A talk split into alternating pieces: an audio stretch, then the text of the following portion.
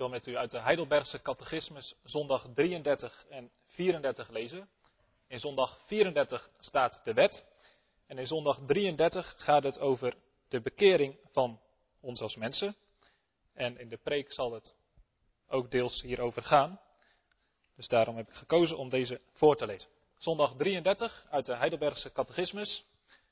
Vraag en antwoord 88. Uit hoeveel stukken bestaat de oprechte bekering van de mens? Uit twee stukken. De afsterving van de oude en de opstanding van de nieuwe mens. Wat is de afsterving van de oude mens? Het is een innerlijk berouw dat wij God door onze zonden vertoond hebben en die hoe langer hoe meer haten en ontvluchten. Wat is de opstanding van de nieuwe mens? Het is een hartelijke vreugde in God door Christus en een ernstig en liefdevol verlangen om naar de wil van God alle goede werken te verrichten. Wat zijn goede werken? Alleen die uit een oprecht geloof, volgens de wet van God, tot zijn eer geschieden. En niet die op ons eigen goeddunken of op menselijke voorschriften gegrond zijn. Hoe luidt de wet van de Heer? God sprak al deze woorden. Ik ben de Heere, uw God, die u uit Egypte, uit het diensthuis, geleid heeft. Het eerste gebod. Gij zult geen andere goden voor mijn aangezicht hebben. Het tweede gebod. Gij zult u geen beeld, nog enige gelijkenis maken, noch van wat boven in de hemel, noch van wat beneden op de aarde is, noch van wat in de wateren onder de aarde is. Gij zult u voor die niet buigen, noch hen dienen, want ik ben de Heere uw God, sterk en ijverig, die de ongerechtigheid van de vaderen bezoek aan de kinderen, tot in het derde en vierde geslacht van hen die mij haten. En die barmhartigheid doet aan velen duizenden die mij liefhebben en mijn geboden onderhouden. Het derde gebod. U zult de naam van de Heere uw God niet misbruiken, want de Heere zal niet onschuldig laten wie zijn naam misbruikt. Het vierde gebod. Gedenk de Sabbatdag dat gij die heiligt. Zes dagen zult u arbeiden en al uw werk doen, maar de zevende dag is de Sabbat van de Heere uw God. Dan zult u geen werk doen, nog uw zoon, nog uw dochter, nog uw knecht, nog uw dienstmaagd, nog uw vee, nog uw vreemdeling die binnen uw stadspoorten is. Want in zes dagen heeft de Heere de hemel en de aarde gemaakt, de zee en alles wat erin is, en hij rustte op de zevende dag. Daarom zegende de Heere de Sabbatdag en heiligde die. Het vijfde gebod. Gij zult uw vader en uw moeder eren, opdat gij lang leeft in het land dat de Heere uw God u geven zal. Het zesde gebod. Gij zult niet doden. Het zevende gebod. Gij zult niet echt breken.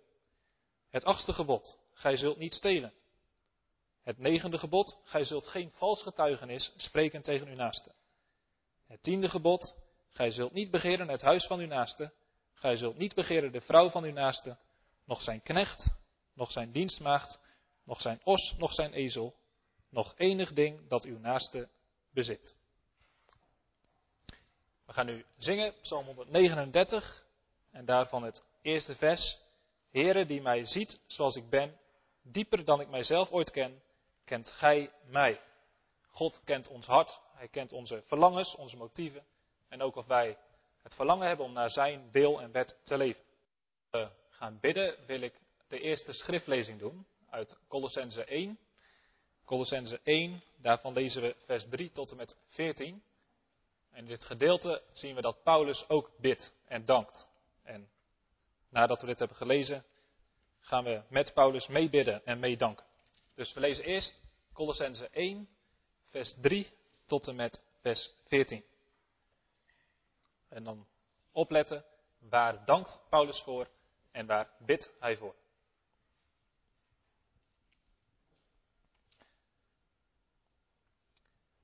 Colossense 1, vers 3. Wij danken de God en Vader van onze Heer Jezus Christus altijd wanneer wij voor u bidden. Omdat wij gehoord hebben van uw geloof in Christus Jezus en van de liefde die u hebt voor alle heiligen. Vanwege de hoop die voor u is weggelegd in de hemelen. Hiervan hebt u eerder gehoord door het woord van de waarheid, namelijk van het evangelie. Dit evangelie is naar u toegekomen, zoals ook in de hele wereld. En het draagt vrucht, zoals ook onder u vanaf de dag dat u het gehoord hebt en de genade van God in waarheid hebt leren kennen. Zo hebt u het ook geleerd van Epaphras, onze geliefde mededienstknecht, die voor u een trouwe dienaar van Christus is. Hij heeft ons ook uw liefde in de geest bekendgemaakt.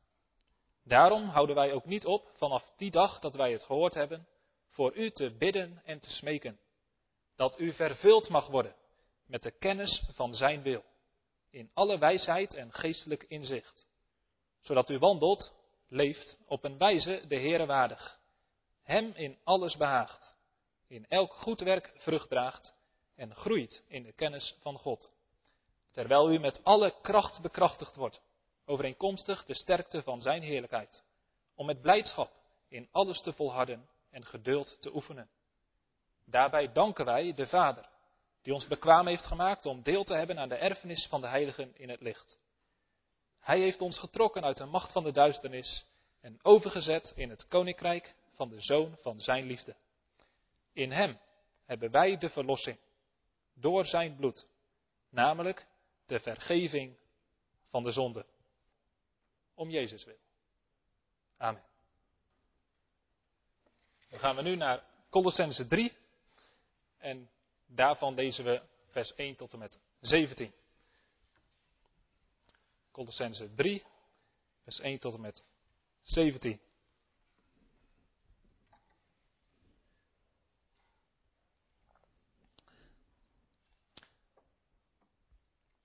Als u nu met Christus opgewekt bent, zoek dan de dingen die boven zijn, waar Christus is, die aan de rechterhand van God zit. Bedenk de dingen die boven zijn en niet die op de aarde zijn. Want u bent gestorven en uw leven is met Christus verborgen in God.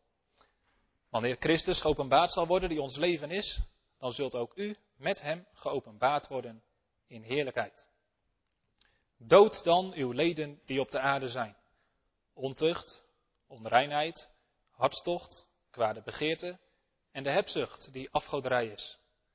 Door deze dingen komt de toren van God over de ongehoorzamen. In deze dingen hebt ook u voorheen gewandeld, toen u in die dingen leefde. Maar nu legt ook u dit alles af, namelijk toren, woede, slechtheid, laster en schandelijke taal uit uw mond. Lieg niet tegen elkaar, aangezien u de oude mens met zijn daden uitgetrokken hebt. En u met de nieuwe mens bekleed hebt, die vernieuwd wordt tot kennis, overeenkomstig het beeld van hem die hem geschapen heeft. Daarbij is niet Griek en Jood van belang, besnedene en onbesnedene, barbaar en skiet, slaaf en vrije, maar Christus is alles en in allen.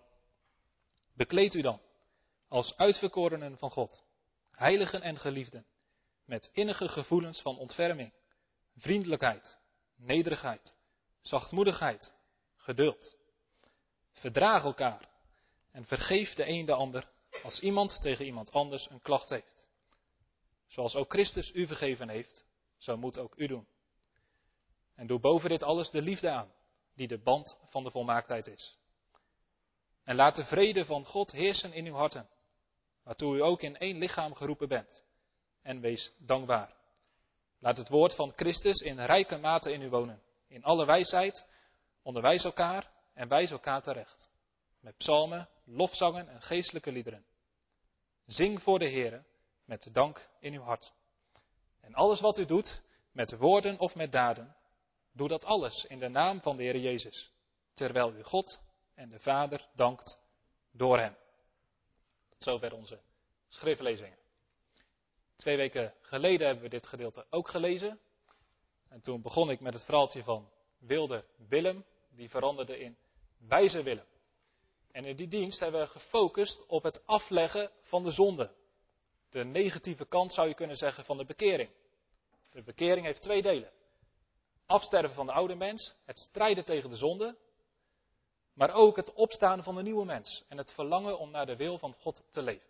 En vanmorgen gaan we ons richten op het tweede deel. Wij zijn met Christus opgewekt om tot eer van God te leven. En over die vernieuwing gaat er met name in vers 10 tot en met 14. Dat zijn de versen die we straks vers voor vers door gaan nemen. Het is misschien goed als u de Bijbel voor u heeft, dat u af en toe ook kunt meelezen. Dus straks na het zingen gaan we naar Colossense 3, vers 10 tot en met 14. Nou, ik begin met een soort geboortetekst. Jezus zegt in Johannes 16, vers 21. Wanneer een vrouw baat, heeft zij droefheid, omdat haar tijd gekomen is. Maar wanneer zij het kind gebaat heeft, denkt zij niet meer aan de benauwdheid, vanwege de blijdschap dat een mens ter wereld gekomen is. Deze woorden zijn waar. Allemaal. Een kind is ter wereld gekomen. En dan is er blijdschap. Grote blijdschap. Ontzettend grote blijdschap. En uh, dit is in het natuurlijke zo, maar geestelijk is het ook zo. In de Bijbel wordt niet alleen gesproken over geboorte, maar ook over wedergeboorte. Je kunt als mens opnieuw geboren worden. Jezus zei dat tegen Nicodemus. Als een mens niet opnieuw geboren wordt, kan hij het koninkrijk van God niet naar binnen gaan. Dus het is zelfs noodzakelijk voor een mens om twee keer geboren te worden. En Nicodemus, die snapte dat niet zo goed. En die denkt, ja, hallo, je kunt toch niet als mens opnieuw de baarmoeder in en dan weer opnieuw eruit komen? Dat kan echt niet. Maar dat bedoelde Jezus ook niet. Maar wat bedoelde Jezus wel? Nou, een geestelijke wedergeboorte. Als het evangelie wordt verkondigd en mensen komen tot geloof en bekering, dan krijgen ze een nieuw geestelijk leven. En dat is zo'n groot wonder, alsof er opnieuw iemand geboren wordt. Nou, en als er iemand opnieuw geboren wordt, dan geeft dat ook reden tot blijdschap. En dat is precies wat we in al de brieven van Paulus tegenkomen. In bijna alle brieven begint Paulus met het danken en loven en prijzen van God. Zo ook in de brief aan de Colossensen. Wij danken de God en Vader van onze Heer Jezus Christus altijd wanneer wij voor u bidden. Waarom? Nou, Paulus heeft gehoord dat het evangelie in Colossense met succes is verkondigd.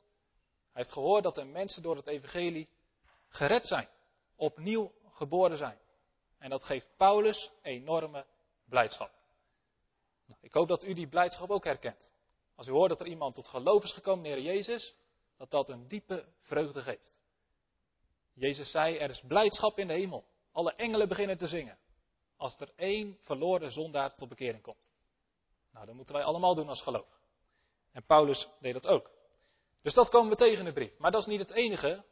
Paulus denkt niet van, nou, nu zijn ze gered. Mooi, volgende, klaar. Nee, Paulus die wil veel meer van de Colossensen. Hij wil niet alleen dat ze gered zijn, maar dat ze ook als geredde christenen gaan groeien en bloeien. Nou, dat is precies zo bij de geboorte van een baby. Het is geboren, dan kun je zeggen, nou, nu is het klaar. Eindelijk, het is gekomen na negen maanden. En nu is het er. Maar eigenlijk is het pas het begin. De geboorte is niet een eindpunt. Het is eigenlijk het begin van een leven. En gelijk vanaf het moment dat een baby geboren is, moet het gaan groeien. Elke dag op de weegschaal. Eerst een eh, paar dagen een paar grammen eraf, maar het moet er grammen bij. Het kind moet gaan groeien. En we kregen al een uitnodiging om ergens bij een consultatiebureau te komen. Het moet nauwkeurig worden bijgehouden. Gaat het wel volgens het schema? Want als het niet groeit, is het niet gezond. En dat is precies zo met een christen. Als wij geloven in Jezus, als we weten we hebben vergeving van zonde, dan is dat niet een eindpunt. Dan is niet dat je denkt, nou mooi, ik heb mijn zonden zijn vergeven en als ik eindelijk straks een keer sterf, dan ga ik naar de hemel. En verder hoef ik me niet meer druk over te maken. Nee, als je opnieuw geboren bent en je mag leven uit het geloof in Heer Jezus, dan begint het pas. En dan is het de vraag, groeien wij ook? Groeien wij in het geloof? En dat is wat Paulus verlangt. En dat is precies wat we hebben gezien in hoofdstuk 1 waar hij voor bidt. Wij houden niet op voor u te bidden en te smeken. Dat u vervuld mag worden met de kennis van zijn wil. En dat u groeit in de kennis van God. En als een gelovige niet groeit, dan klopt er iets niet. Dan moeten er alarmbellen gaan rinkelen.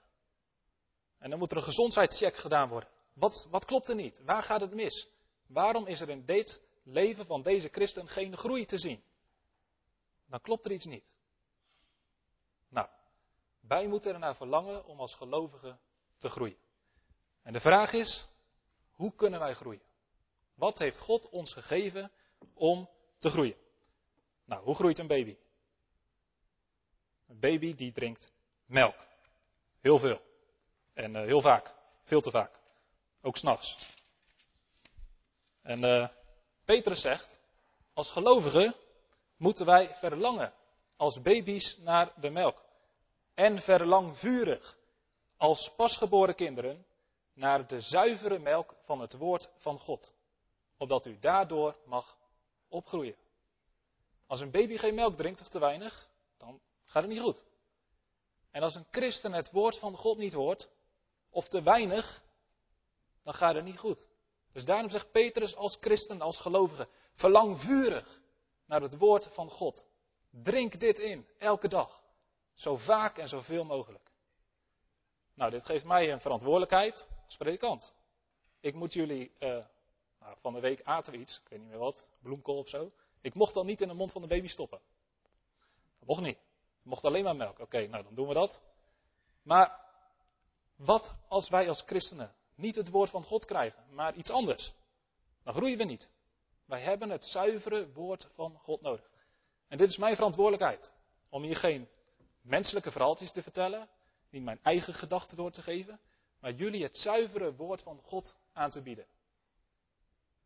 En het is jullie verantwoordelijkheid, uw verantwoordelijkheid, om dat in te drinken. Om dat tot je te nemen.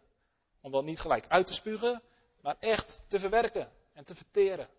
En als wij dat woord van God ontvangen, dan gaat dat doorwerken in ons leven. En dan groeien wij. Nou, dit is wat Paulus wil. Daarom heeft hij deze brief geschreven. Deze hele brief is als het ware zuivere melk. En als je deze brief tot je inneemt, als je deze brief indringt, dan kun je groeien. Nou, wat gebeurt er in die brief? Wat doet Paulus? Twee dingen. En dat doet hij in heel de Bijbel, in heel het Nieuw Testament. Je zou kunnen zeggen, heel de Bijbel is het woord van God. En in heel de Bijbel gaat het om twee dingen. Allereerst het evangelie. Dat God, de Heer Jezus, heeft gestuurd naar deze aarde om ons als mensen te redden. Dat de Heer Jezus aan het kruis is gestorven tot vergeving van onze zonden. Dat Hij is opgestaan dat Hij leeft. En dat iedereen die in Hem gelooft, daadwerkelijk gered wordt. Dat staat in heel het Nieuw Testament. In alle brieven komt dat naar voren. Dat is de kern van de zuivere melk. Maar het is nog meer. Want Paulus vertelt niet alleen wat het evangelie is, hij betekent ook wat het betekent om uit dat evangelie te leven. Als je werkelijk gelooft in het evangelie, dan gaat het evangelie met kracht in je leven doorwerken. Dan gaat dat evangelie je veranderen. En je moet dat evangelie begrijpen en steeds beter begrijpen, zodat het met meer kracht in je leven kan doorwerken. Dus Paulus doet twee dingen. Hij legt uit wat het evangelie is en wat je hebt ontvangen als christen als je in het evangelie gelooft. En vervolgens legt hij uit, oké, als je het evangelie gelooft, hoe kun je daaruit leven? Zodat je ook daadwerkelijk groeit. Nou, we hebben er twee weken geleden dat gezien. Als je in Christus gelooft, dan ben je met Hem gestorven. Dus een gelovige kan zeggen, ik leef niet meer. Ik ben dood, ik ben begraven, ik ben met Christus aan het kruis gegaan. Ik leef niet meer voor de zonde. Ik leef niet meer voor de wereld. Een christen kan ook zeggen, ik ben opgewekt. Ik heb nieuw geestelijk leven ontvangen. Toen Christus opstond uit de dood, ben ik met hem opgestaan. Om nu tot eer van God te leven. Nou, en wat betekent dat? Om nu met hem te leven? Dat gaat hij helemaal uitleggen in dit hoofdstuk. In vers 9 en 10 zit de omkeer, de omslag. Tot en met vers 9 heeft hij uitgelegd wat de oude mens is, wat de zonden zijn die wij moeten doden. Het oude leven wat wij moeten achterlaten. En dan vanaf vers 10 gaat hij uitleggen wat dan het nieuwe leven is. Wat wij als gelovigen mogen gaan leiden. Ik zal vers 9 en 10 nog een keer lezen. Lieg niet tegen elkaar. Dat hoort bij de oude mens. Aangezien u de oude mens met zijn daden uitgetrokken hebt. En u met een nieuwe mens bekleed hebt. Die vernieuwd wordt tot kennis overeenkomstig het beeld van hem die hem geschapen heeft. Ik weet niet hoe ik dat de vorige keer duidelijk heb uh, nog uitgewerkt. Maar hier gebruikt hij een beeld van het aantrekken en uittrekken van kleding. Kleding, dat was toen blijkbaar zo en dat is vandaag nog steeds zo, die zeggen iets over je. Ik sta hier niet in gewone kleren, maar in een toga. Dus dat maakt iets duidelijk. Ik denk dat de meesten van jullie ook bedrijfskleding hebben. En als je nou bij Oskam werkt, dan heb je andere bedrijfskleding dan je bij Hogedoorn werkt. Toch? Aan je bedrijfskleding kun je zien waar iemand werkt. En als je van baan verandert, je gaat naar een andere baas toe, dan krijg je andere bedrijfskleding. Het is niet handig als je bij de Jumbo werkt, dat je van Albert Heijn kleding draagt. Dat matcht niet. En zo zegt Paulus, als niet-christen, als ongelovige heb je bepaalde eigenschappen, straal je iets uit. Maar dat is niet wat God wil. En als je een christen wordt, dan moet je dat afleggen en nieuwe kleding aandoen. Nieuwe dingen uitstralen. Dus wat betekent het om een christen te zijn? Je hebt een oude mens uitgetrokken, kleren die doe je nooit meer aan. En je hebt een nieuwe mens aangetrokken en die doet je wel aan. Nou, ik denk dat dit niks anders is dan de wedergeboorte. Eén moment. Op het moment dat je in Christus gelooft, dan heb je een radicaal moment dat je niet meer bij de wereld hoort, maar bij God. Een kind is geboren of niet geboren. Eén van twee. Het kan niet allebei. En zo is het met een christen. Je bent of opnieuw geboren, of je bent het niet. En als je opnieuw geboren bent, dan heb je dus je oude leven afgelegd en heb je een nieuw leven aangedaan. Er staat ergens in Korinthe, wie in Christus Jezus is, is een nieuwe schepping. Het oude is voorbij gegaan. Alles is nieuw geworden. Heel duidelijk een moment. Tegelijkertijd, er staat hier in vers 10, u hebt u met een nieuwe mens bekleed die vernieuwd wordt. Met andere woorden, hier staat niet alleen dat een christen een radicale overgang heeft gehad, dat hij van eh, de duisternis naar het licht is veranderd. Nee, er staat ook dat een christen nog vernieuwd wordt. Elke gelovige zit nog in een proces waarin hij steeds meer verandert. Dat is belangrijk. Net zoals een baby is geboren, maar dat is niet een eindpunt. Hij gaat nog een proces door. Het kindje moet nog ontwikkelen. Het is geboren. Alles zit erop en eraan. De oren, de, vingers, de voeten. Niks hoeft er later bij aangeplakt te worden. Alles zit erop en eraan. Maar het is nog niet wat het uiteindelijk moet zijn. Het moet gaan groeien. Het moet gaan ontwikkelen. Als wij in de Heer Jezus geloven, ontvangen we op één moment alles wat we nodig hebben. We zijn in één moment in Hem volmaakt. Maar we zijn nog niet volmaakt. We moeten nog ontwikkelen. We moeten een groeiproces doorgaan waarin we steeds meer gaan lijken op de Heer Jezus. En er staat hier, wordt vernieuwd. Dat is een beetje passief uitgedrukt. Dat betekent, dit is iets wat God ons doet. Wat de Heilige Geest in ons werkt. Hij vernieuwt ons. En wij worden door Hem vernieuwd. Nou, dan staan er drie dingen over die vernieuwing. Welke verandering gebeurt er in het leven van de gelovige? Het eerste wat er gebeurt, we worden vernieuwd tot kennis.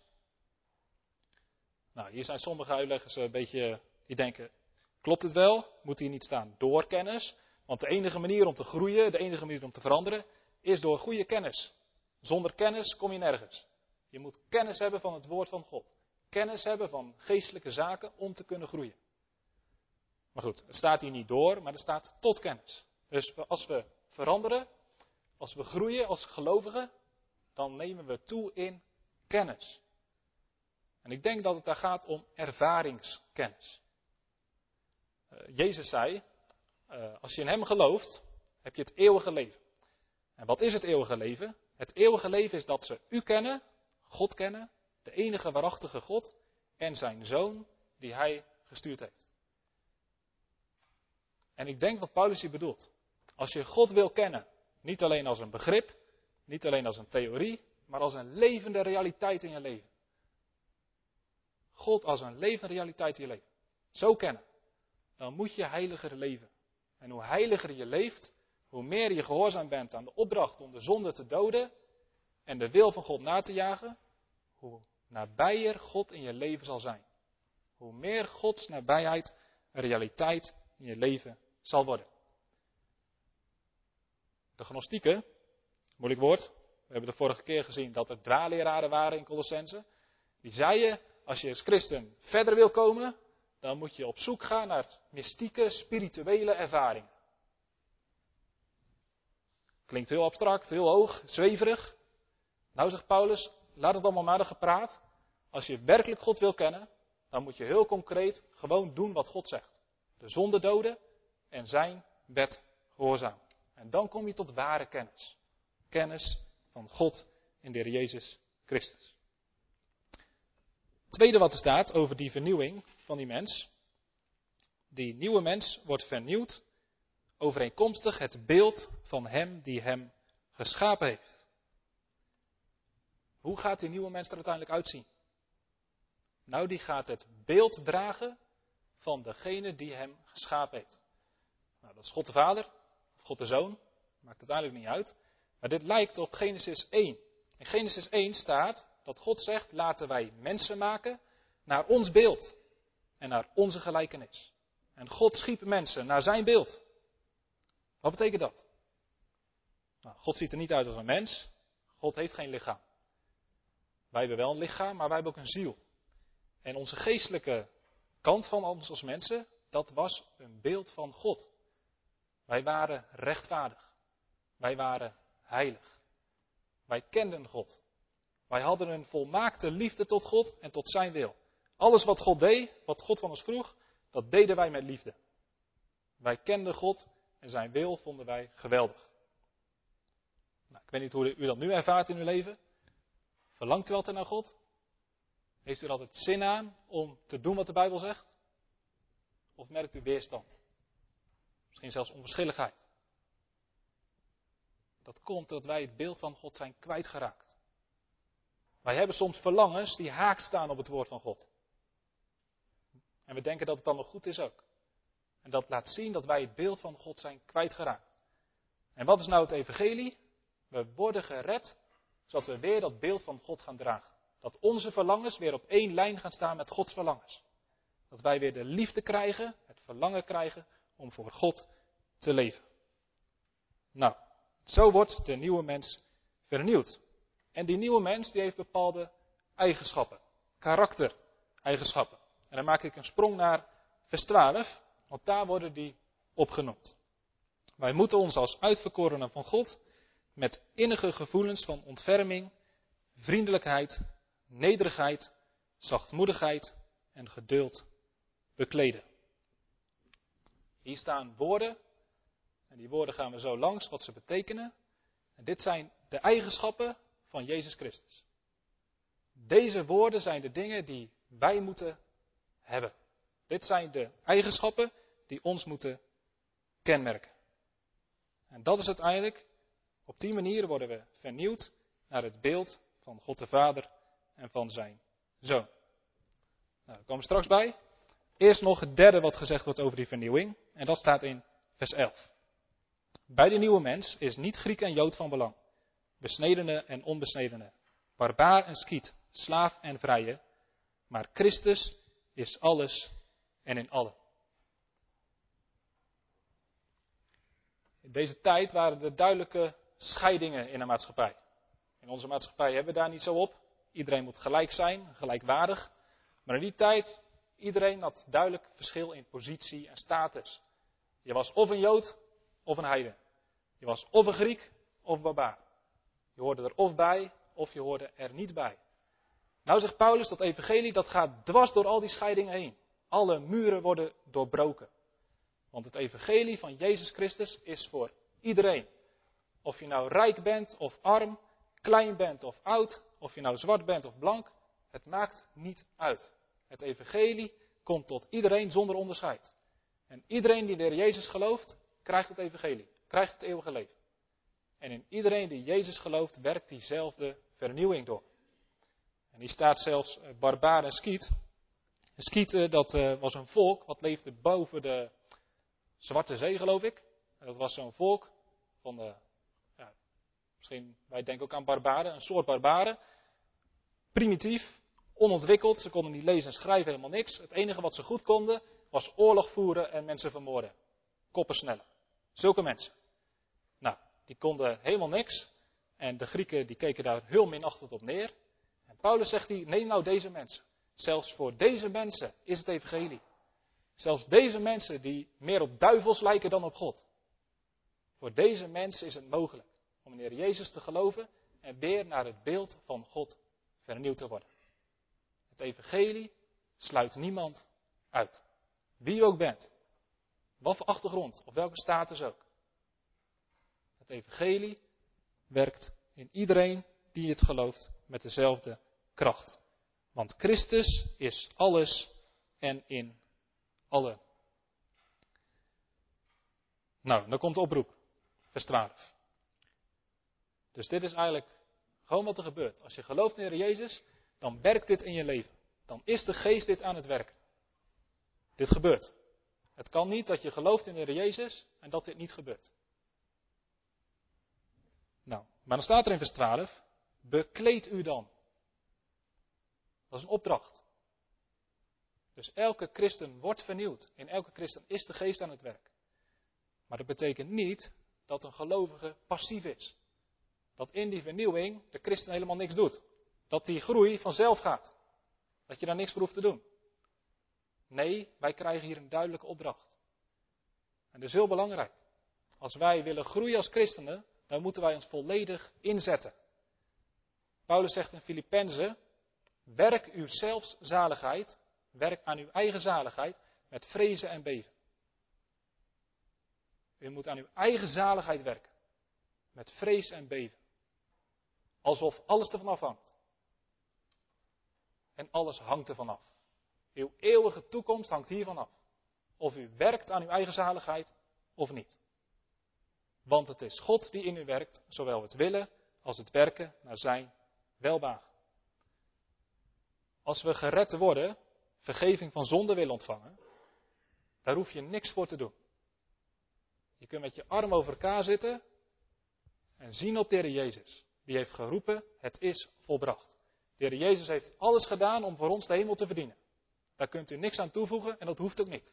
U kunt met de arm over elkaar gered worden, zonder iets te doen. Dat moet zelfs. Uit genade bent u zalig worden. U kunt het alleen ontvangen als een cadeau.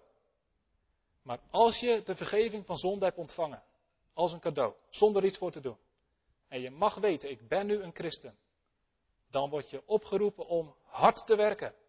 Om je hand uit je mouwen te steken. Om je voor in te spannen. Om steeds meer te groeien. En steeds meer te lijken op de Heer Jezus. Nou, daarom staat hier een opdracht. Bekleed u dan. En ook in vers 14, doe boven dit alles de liefde aan. Dus opnieuw het beeld van kleding. En hier gaat hij allemaal kledingstukken noemen die wij moeten aandoen. Ik zat erover na te denken, waarom uh, zou hij dan deze dingen noemen uh, als kleding? Nou, misschien uh, degene die bedrijfskleding dragen. Waarom draag je bedrijfskleding? Wat heeft dat voor functie? Ik weet het niet, ik heb iets bedacht. Ik denk dat het een soort reclame is. Dus je, je, draagt bedrijfskleding en overal zie je mensen in diezelfde kleding en dat is reclame voor je bedrijf. Klopt dat? Was wel. Wat ik ook denk, is dat het herkenning geeft. Dus als je die kleding ziet, hoef je niet over te twijfelen, je ziet het gelijk. Een duidelijk logo, die werkt bij die, dat bedrijf. Zonder twijfel. Ik denk dat dit precies is met deze kledingstukken. Als wij als christenen deze karaktereigenschap hebben, als wij dit uitstralen, dan kan iedereen gelijk zien, hé, hey, die hoort bij Jezus. En dat is een reclame voor hen. Dat het evangelie mensen die in de seksuele zonde leven, in boosheid en laster en weet ik het allemaal niet voor zonde, dat zulke mensen door de kracht van het evangelie vernieuwd kunnen worden en hele positieve karaktereigenschappen kunnen krijgen. Dat is reclame voor het koninkrijk van God. Nou, daarom gaan we kijken naar die eigenschappen. Vers 12. We moeten ons bekleden met innige gevoelens van ontferming. Wat zijn dat? Innige gevoelens van ontferming. Dat is een beetje een Hebreeuwse manier van denken. Innig gevoelens, dat heeft te maken met je nieren en zo, je darmen. Je kunt zoveel verdriet hebben, zoveel blijdschap, zoveel liefde, dan voel je het in je buik. Nou, daar gaat het over. Dus we moeten gevoelens hebben die zo diep zijn dat we ze in onze buik voelen. En dat zijn gevoelens van ontferming. Nou, wat is ontferming? Als een babytje huilt, denk je, ah, je wil troosten. Dat is ontferming. Je ziet iemand als dakloze door het leven gaan, geen toekomst hebben. Je denkt, hoe kan ik die persoon helpen? Die persoon heeft het moeilijk. Ontferming. Ontfermen is proberen iemand te helpen die het moeilijk heeft, die in nood is. En Jezus was zo iemand. Hij was vol van innerlijke ontferming. Jezus was bewogen met de mensen. Als ze honger hadden. Als ze ziek waren. Omdat ze geen geestelijke leiders hadden. Omdat hij zag dat het oordeel eraan kwam. Jezus heeft vaak gehuild. Zo diep gingen zijn emoties. Omdat hij het verdriet, de moeite, de nood van de mensen aanzag. En dit moeten wij hebben. We moeten ons niet verharden tegen alle problemen in de wereld. We moeten niet ons hart sluiten als wij mensen met problemen zien. Nee, we moeten ons hart wijd openzetten. En die mensen alle liefde geven. En ons laten raken met de pijn die andere mensen hebben. Tweede eigenschap. We moeten ons bekleden met vriendelijkheid. Moet ik dat uitleggen? Een lach, hartelijke groet, vriendelijkheid. In dit woord zit iets meer. Goodness is het in het Engels. Dat betekent, je wil het goede voor alle mensen. Je probeert alle mensen een zo goed mogelijk leven te geven. Dus mensen die het moeilijk hebben, mensen die het misschien goed hebben. Je bevordert het welzijn van anderen. Dat is vriendelijkheid. Je wil dat alle mensen zo blij mogelijk en gelukkig mogelijk door het leven gaan. In de gemeente, in je familie, in je vrienden, in de maatschappij. Wees vriendelijk. Derde woord, nederigheid. Prachtig kledingstuk. Wat uh, bij mij vaak scheurt, kapot gaat. Want het tegenovergestelde van nederigheid is trots. Ik-gerichtheid. Nederigheid is niet dat we minder van onszelf denken, maar dat we minder aan onszelf denken. Nederigheid is niet dat je een afkeer van jezelf hebt, dat je jezelf niet echt mag. Nee, nederigheid is dat je helemaal niet zo bezig bent met jezelf, wat anderen van jou vinden en wat anderen allemaal voor jou doen. Nederigheid is gerichtheid op de ander. Nederigheid is altijd gericht op het dienen van de ander, op het eren van de ander, op de ander hoogachten, de andere complimenten geven en niet altijd zelf op nummer 1 willen staan. Nou, Jezus was nederig. Jezus was zo nederig, hij waste de voeten van zijn discipelen, terwijl hij hun meester was. Jezus is zo nederig dat hij is de schepper van hemel en aarde naar de aarde komt om ons als mensen te dienen. In plaats om door, door ons als mensen gediend te worden. Jezus zei het. Wil je leren nederig te zijn? Kom dan naar mij toe. Leren van mij dat ik nederig ben. En zachtmoedig. Het volgende woord, zachtmoedigheid. Misschien ook een lastiger woord. Wat betekent zachtmoedigheid? Wat betekent om een zachtmoedig mens te zijn? Ben je dan een watje? Zachtmoedige mensen? Die alles maar over zich heen laten komen? Zachtmoedig is een kracht. Een kracht van de sterke. Om zich aan te passen aan het zwakke. Zachtmoedigheid is de kracht om mensen in hun tekortkomingen niet af te schrijven, maar naast hun te gaan staan en hun te helpen. Zachtmoedigheid is de kracht als jouw onrecht wordt aangedaan, om jezelf niet te verdedigen, maar te vergeven en te verdragen. En daar is meer kracht van nodig dan om terug te bijten. En jezelf te proberen te rechtvaardigen. Laatste woord, geduld. Geduld is heel belangrijk.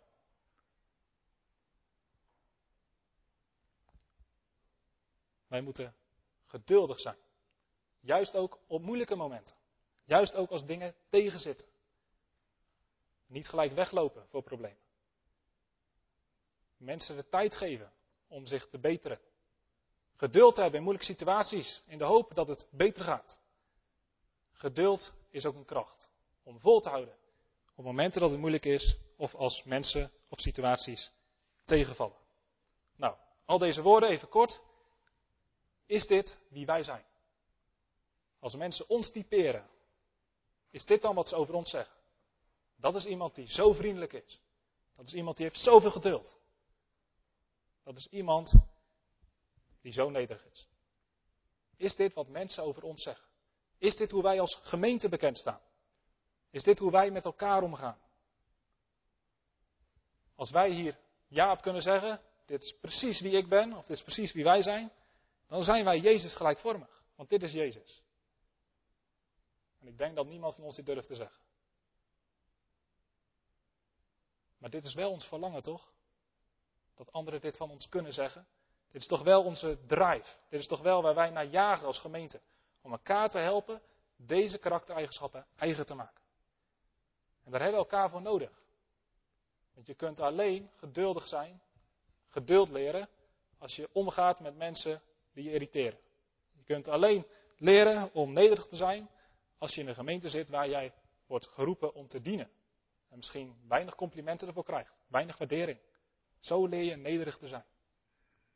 Je leert deze eigenschappen in de context van gemeente. Ik denk dat het heel belangrijk is. Geen één gemeente is volmaakt. Ook onze gemeente niet. Dat mankeert genoeg aan. En ik weet nog lang niet alles. Denk ik. Maar dat maakt op zich niet uit. De vraag is, groeien wij naar de goede richting? Is het ons verlangen om deze eigenschappen ons eigen te maken? Een gemeente is niet een plek waar mensen volmaakt zijn. Maar het is de plek waar mensen, als het goed is, het verlangen hebben om volmaakt te worden. En bereid zijn de ander daarin te helpen. Om zichzelf weg te cijferen. Anderen dienstbaar te zijn. Zodat we samen meer op Jezus Christus gaan lijken. Dit is moeilijk. Omdat wij zondaren zijn. Dit is moeilijk omdat wij van nature eigenschappen hebben die hier tegenover staan. En daarom de oproep in vers 13. Verdraag elkaar. En vergeef de een de ander. Als iemand tegen iemand anders een klacht heeft. Je moet soms dingen kunnen verdragen. Misschien als je te persoonlijk wordt geraakt. Als iemand je persoonlijk negatief behandelt.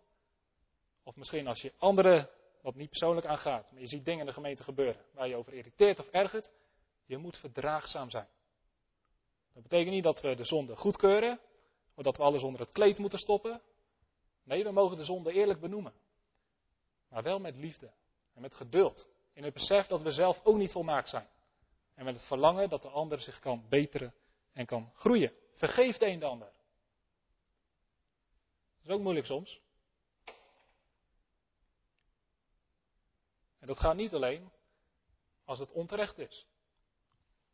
Je kunt wel degelijk terecht je boos weten op iemand. Je kunt wel terecht je willen wreken op iemand. Er staat hier, vergeef de een de ander als iemand tegen iemand anders een klacht heeft. Een klacht is een terechte aantijging. Als iemand terecht kan zeggen, maar die heeft dit mij aangedaan en ik ben daar boos over. Dat kan terecht zijn. En juist in zulke momenten moet je leren om die ander toch te vergeven. Hoe?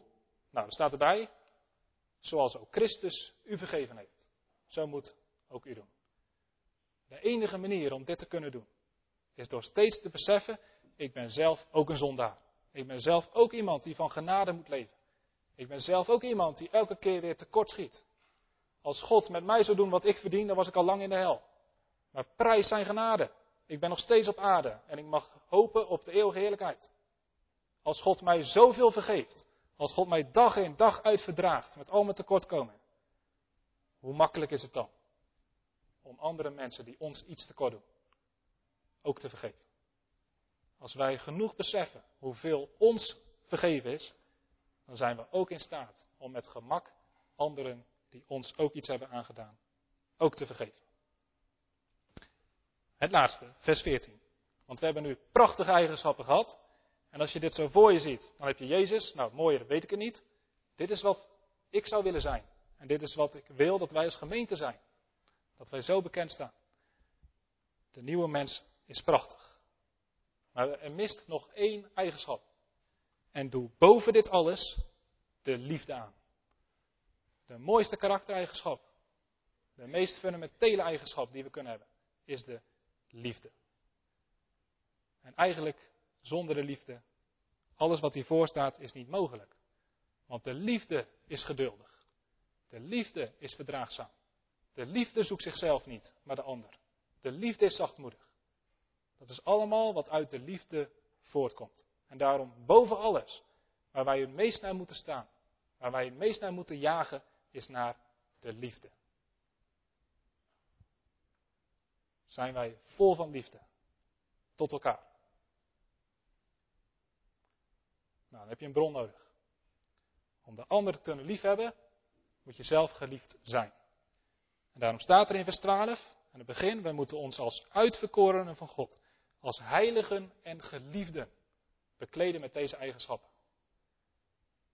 Als je door God geliefd bent, dan heb je een bron van liefde die onuitputtelijk is.